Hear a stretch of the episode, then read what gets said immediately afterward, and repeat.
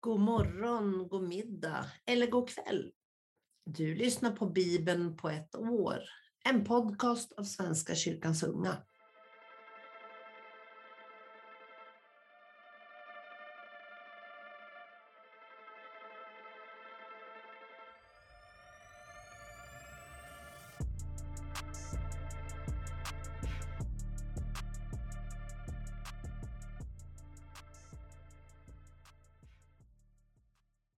Vi ber tillsammans och tackar för att vi får samlas och lyssna på Bibeln tillsammans. Eller helt själv, precis som du har valt. Och vi tackar också för att vi har möjligheten att få välja det vi gör. Och eh, nu ska vi läsa Bibeln i Jesu namn. Amen.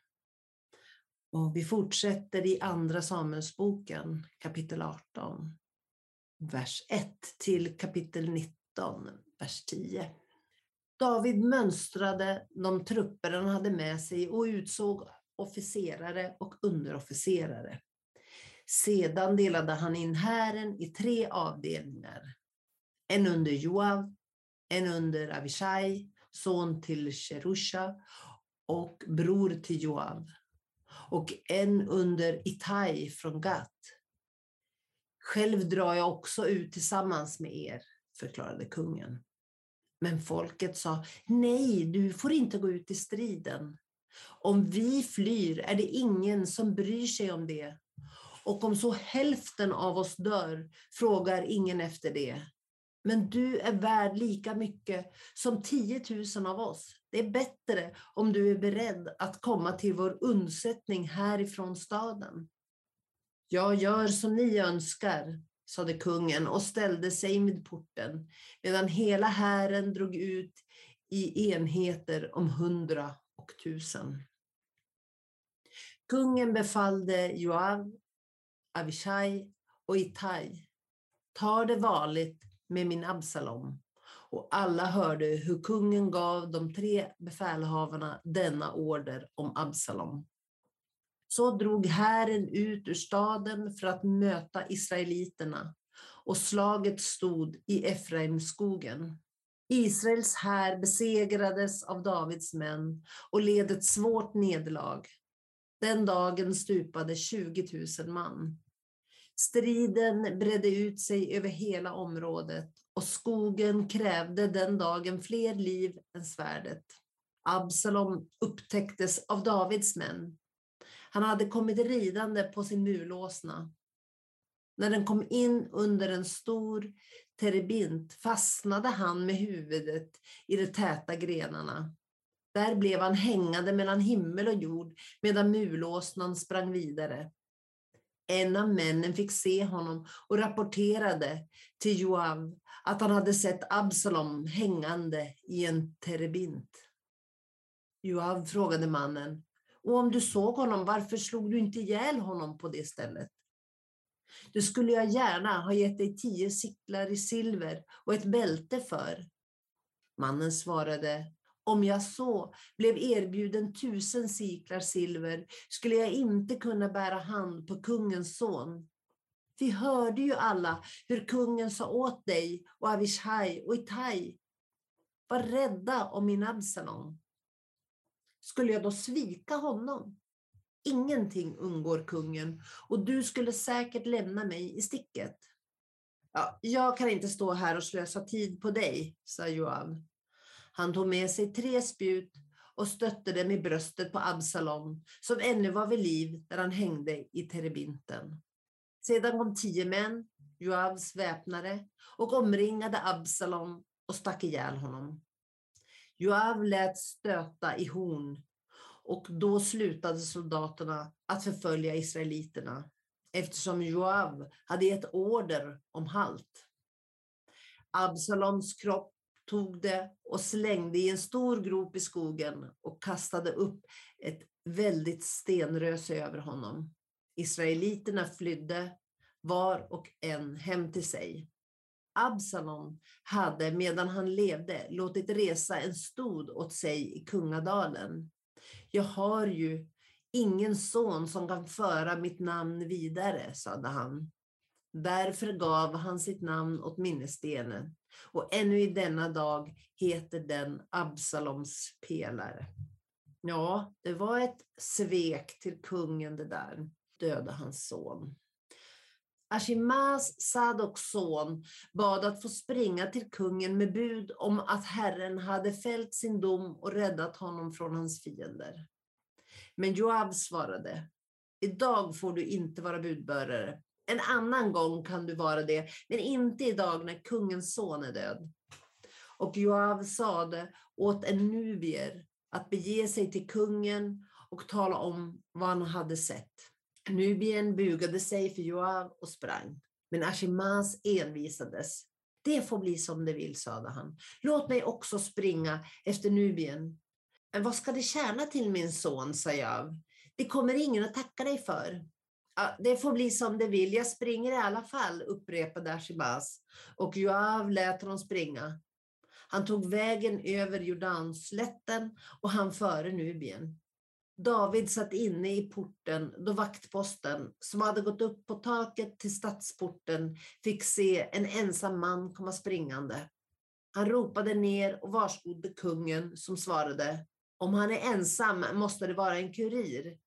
Medan budbäraren närmade sig upptäckte vaktposten ännu en man som kom springande och han ropade ner i porten. Och det kommer en till och han är också ensam.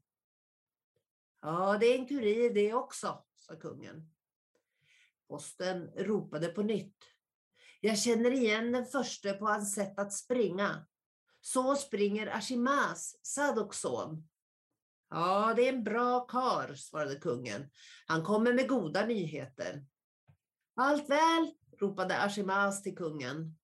Sedan föll han ner och hälsade med ansiktet mot marken och fortsatte.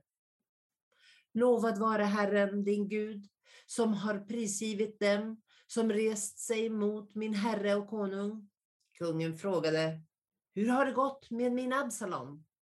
Ashimas svarade, Just då Joav skickade iväg mig var det uppståndelse i lägret, men jag vet inte vad saken gällde. Kungen sa åt honom att gå åt sidan och han ställde sig att vänta. Då kom Nubien. Jag har goda nyheter åt min herre och konung, sa han. Idag har Herren fällt sin dom och gett dig seger över alla som har rest sig mot dig. Kungen frågade, och hur har det gått med min Absalom? Nubien svarade, som det gick för honom, må det gå för alla dina fiender och dem som reser sig mot dig, herre konung. Då blev kungen häftigt upprörd.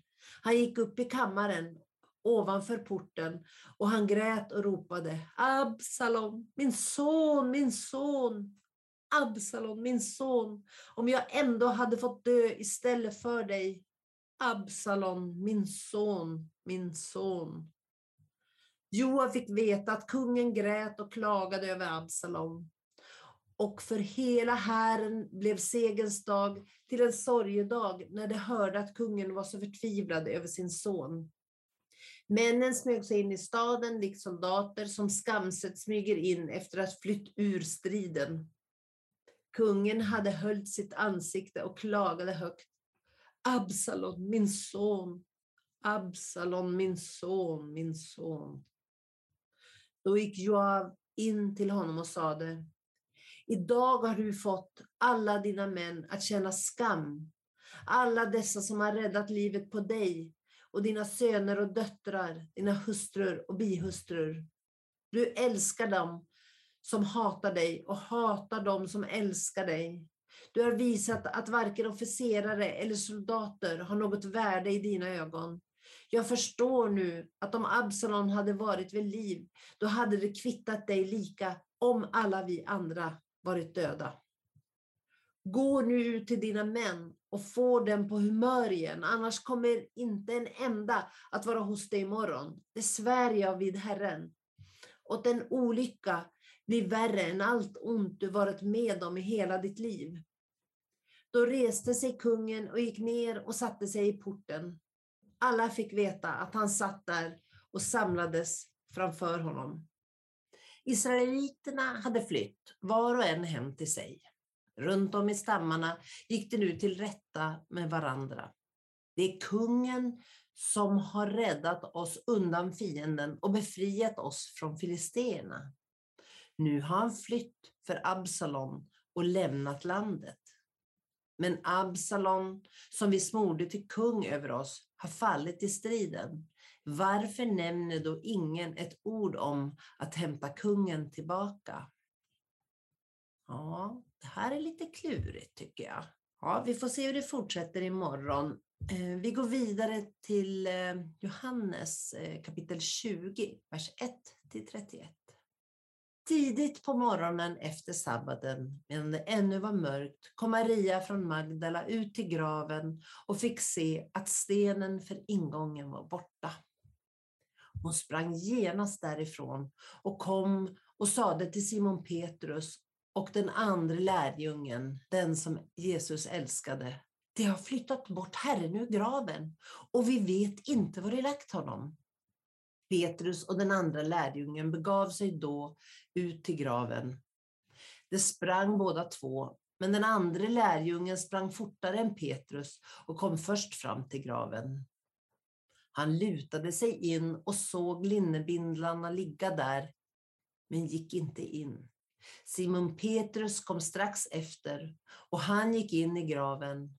Han såg bindlarna ligga där, liksom duken som hade täckt huvudet.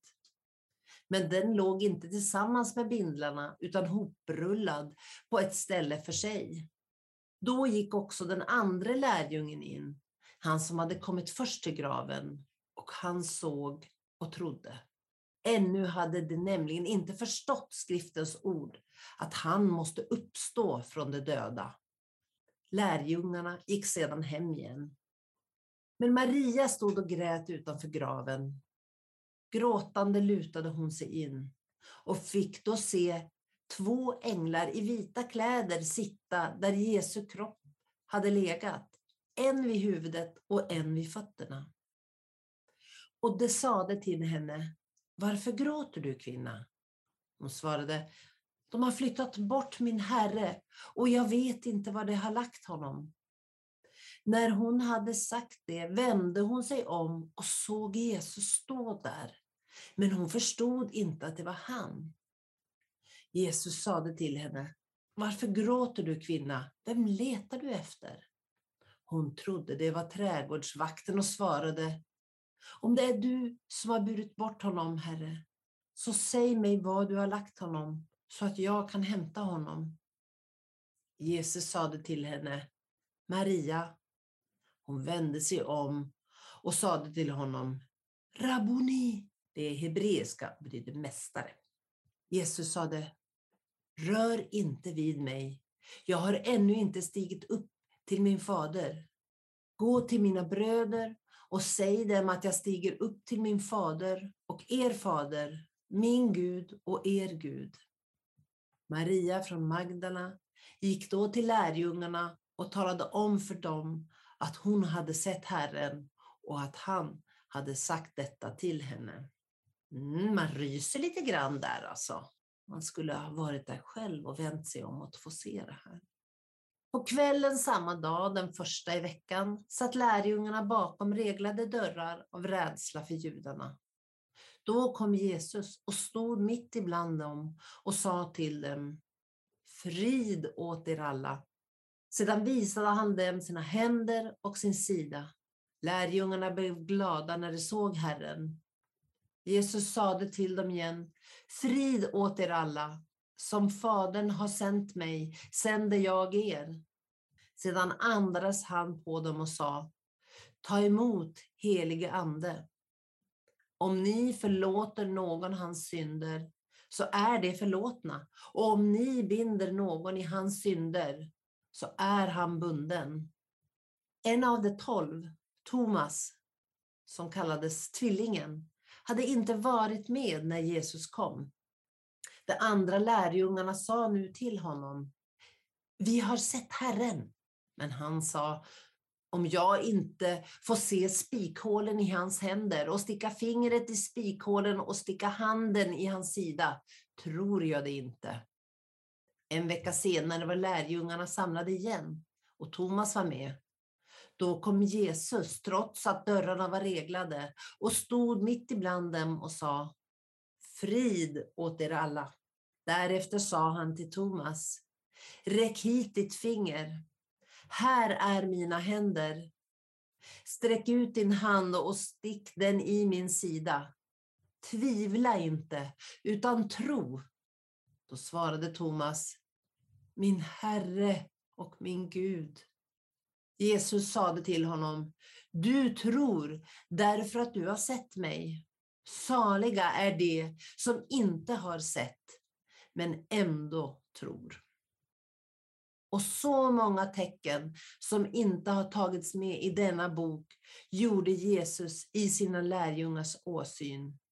Men dessa har upptecknats för att ni ska tro att Jesus är Messias, Guds son, och för att ni genom att tro ska ha liv i hans namn. Ja, den här är ju jättespännande och fin text. Viktig del i Bibeln som vi har hört många gånger. Mm. Då går vi vidare till Saltaren. Det är kapitel 119, vers 153 till 176. Se min nöd och rädda mig, ty jag har inte glömt din lag. Ta dig an min sak och befria mig. Skänk mig liv som du har lovat. För det gudlösa är hjälpen långt borta. Det frågar inte efter dina stadgar. Herre, stor är din barmhärtighet. Skänk mig liv som dina lagar lovar. Mina förföljare och fiender är många, men jag viker inte från dina lagbud. Jag vämjes när jag ser det trolösa, det lyder inte dina ord. Se hur jag älskar dina befallningar. Herre, låt din kärlek skänka mig liv. Summan av ditt ord är sanning. Dina rättfärdiga lagar består för evigt. Furstar förföljer mig utan skäl. Men mitt hjärta fruktar blott dina ord.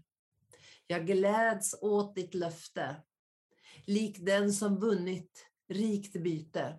Jag hatar och avskyr lögn, men din lag älskar jag. Sju gånger om dagen prisar jag dig för dina rättfärdiga lagar. De som älskar din lag är fullkomligt trygga. Inget kan få dem att falla. Herre, jag hoppas på din hjälp och uppfyller dina bud. Jag följer dina lagbud och jag älskar dem högt. Jag följer dina befallningar och lagbud. Till allt jag gör kan du se. Herre, låt mitt rop tränga fram till dig. Ge mig förstånd, som du har sagt. Låt min bön nå fram till dig. Rädda mig som du har lovat. Över mina läppar ska lovsång flöda, ty du lär mig dina stadgar. Din mun ska besjunga ditt ord, ty alla dina bud är rättfärdiga. Låt din hand bli mig till hjälp, ty jag har valt dina befallningar. Jag längtar efter din räddning, Herre. Din lag är min lust. Låt mig leva för att prisa dig. Låt dina lagar vara min hjälp. Jag har gått vilse som ett bortsprunget får. Sök rätt på din tjänare, ty jag har inte glömt dina bud. Och eh, idag, liksom andra dagar, så avslutar vi med Ordspråksboken. Kapitel 16, vers 14 till 15. Kungens vrede bådar död, men en klok man kan stilla den. Ljus uppsyn hos kungen betyder liv. Hans gunst är som ett vårregn. Ja, det var allt för idag. Vi ehm, tackar så mycket och eh, hoppas vi hörs imorgon igen i Bibeln på ett år från Svenska kyrkans unga. Hej då!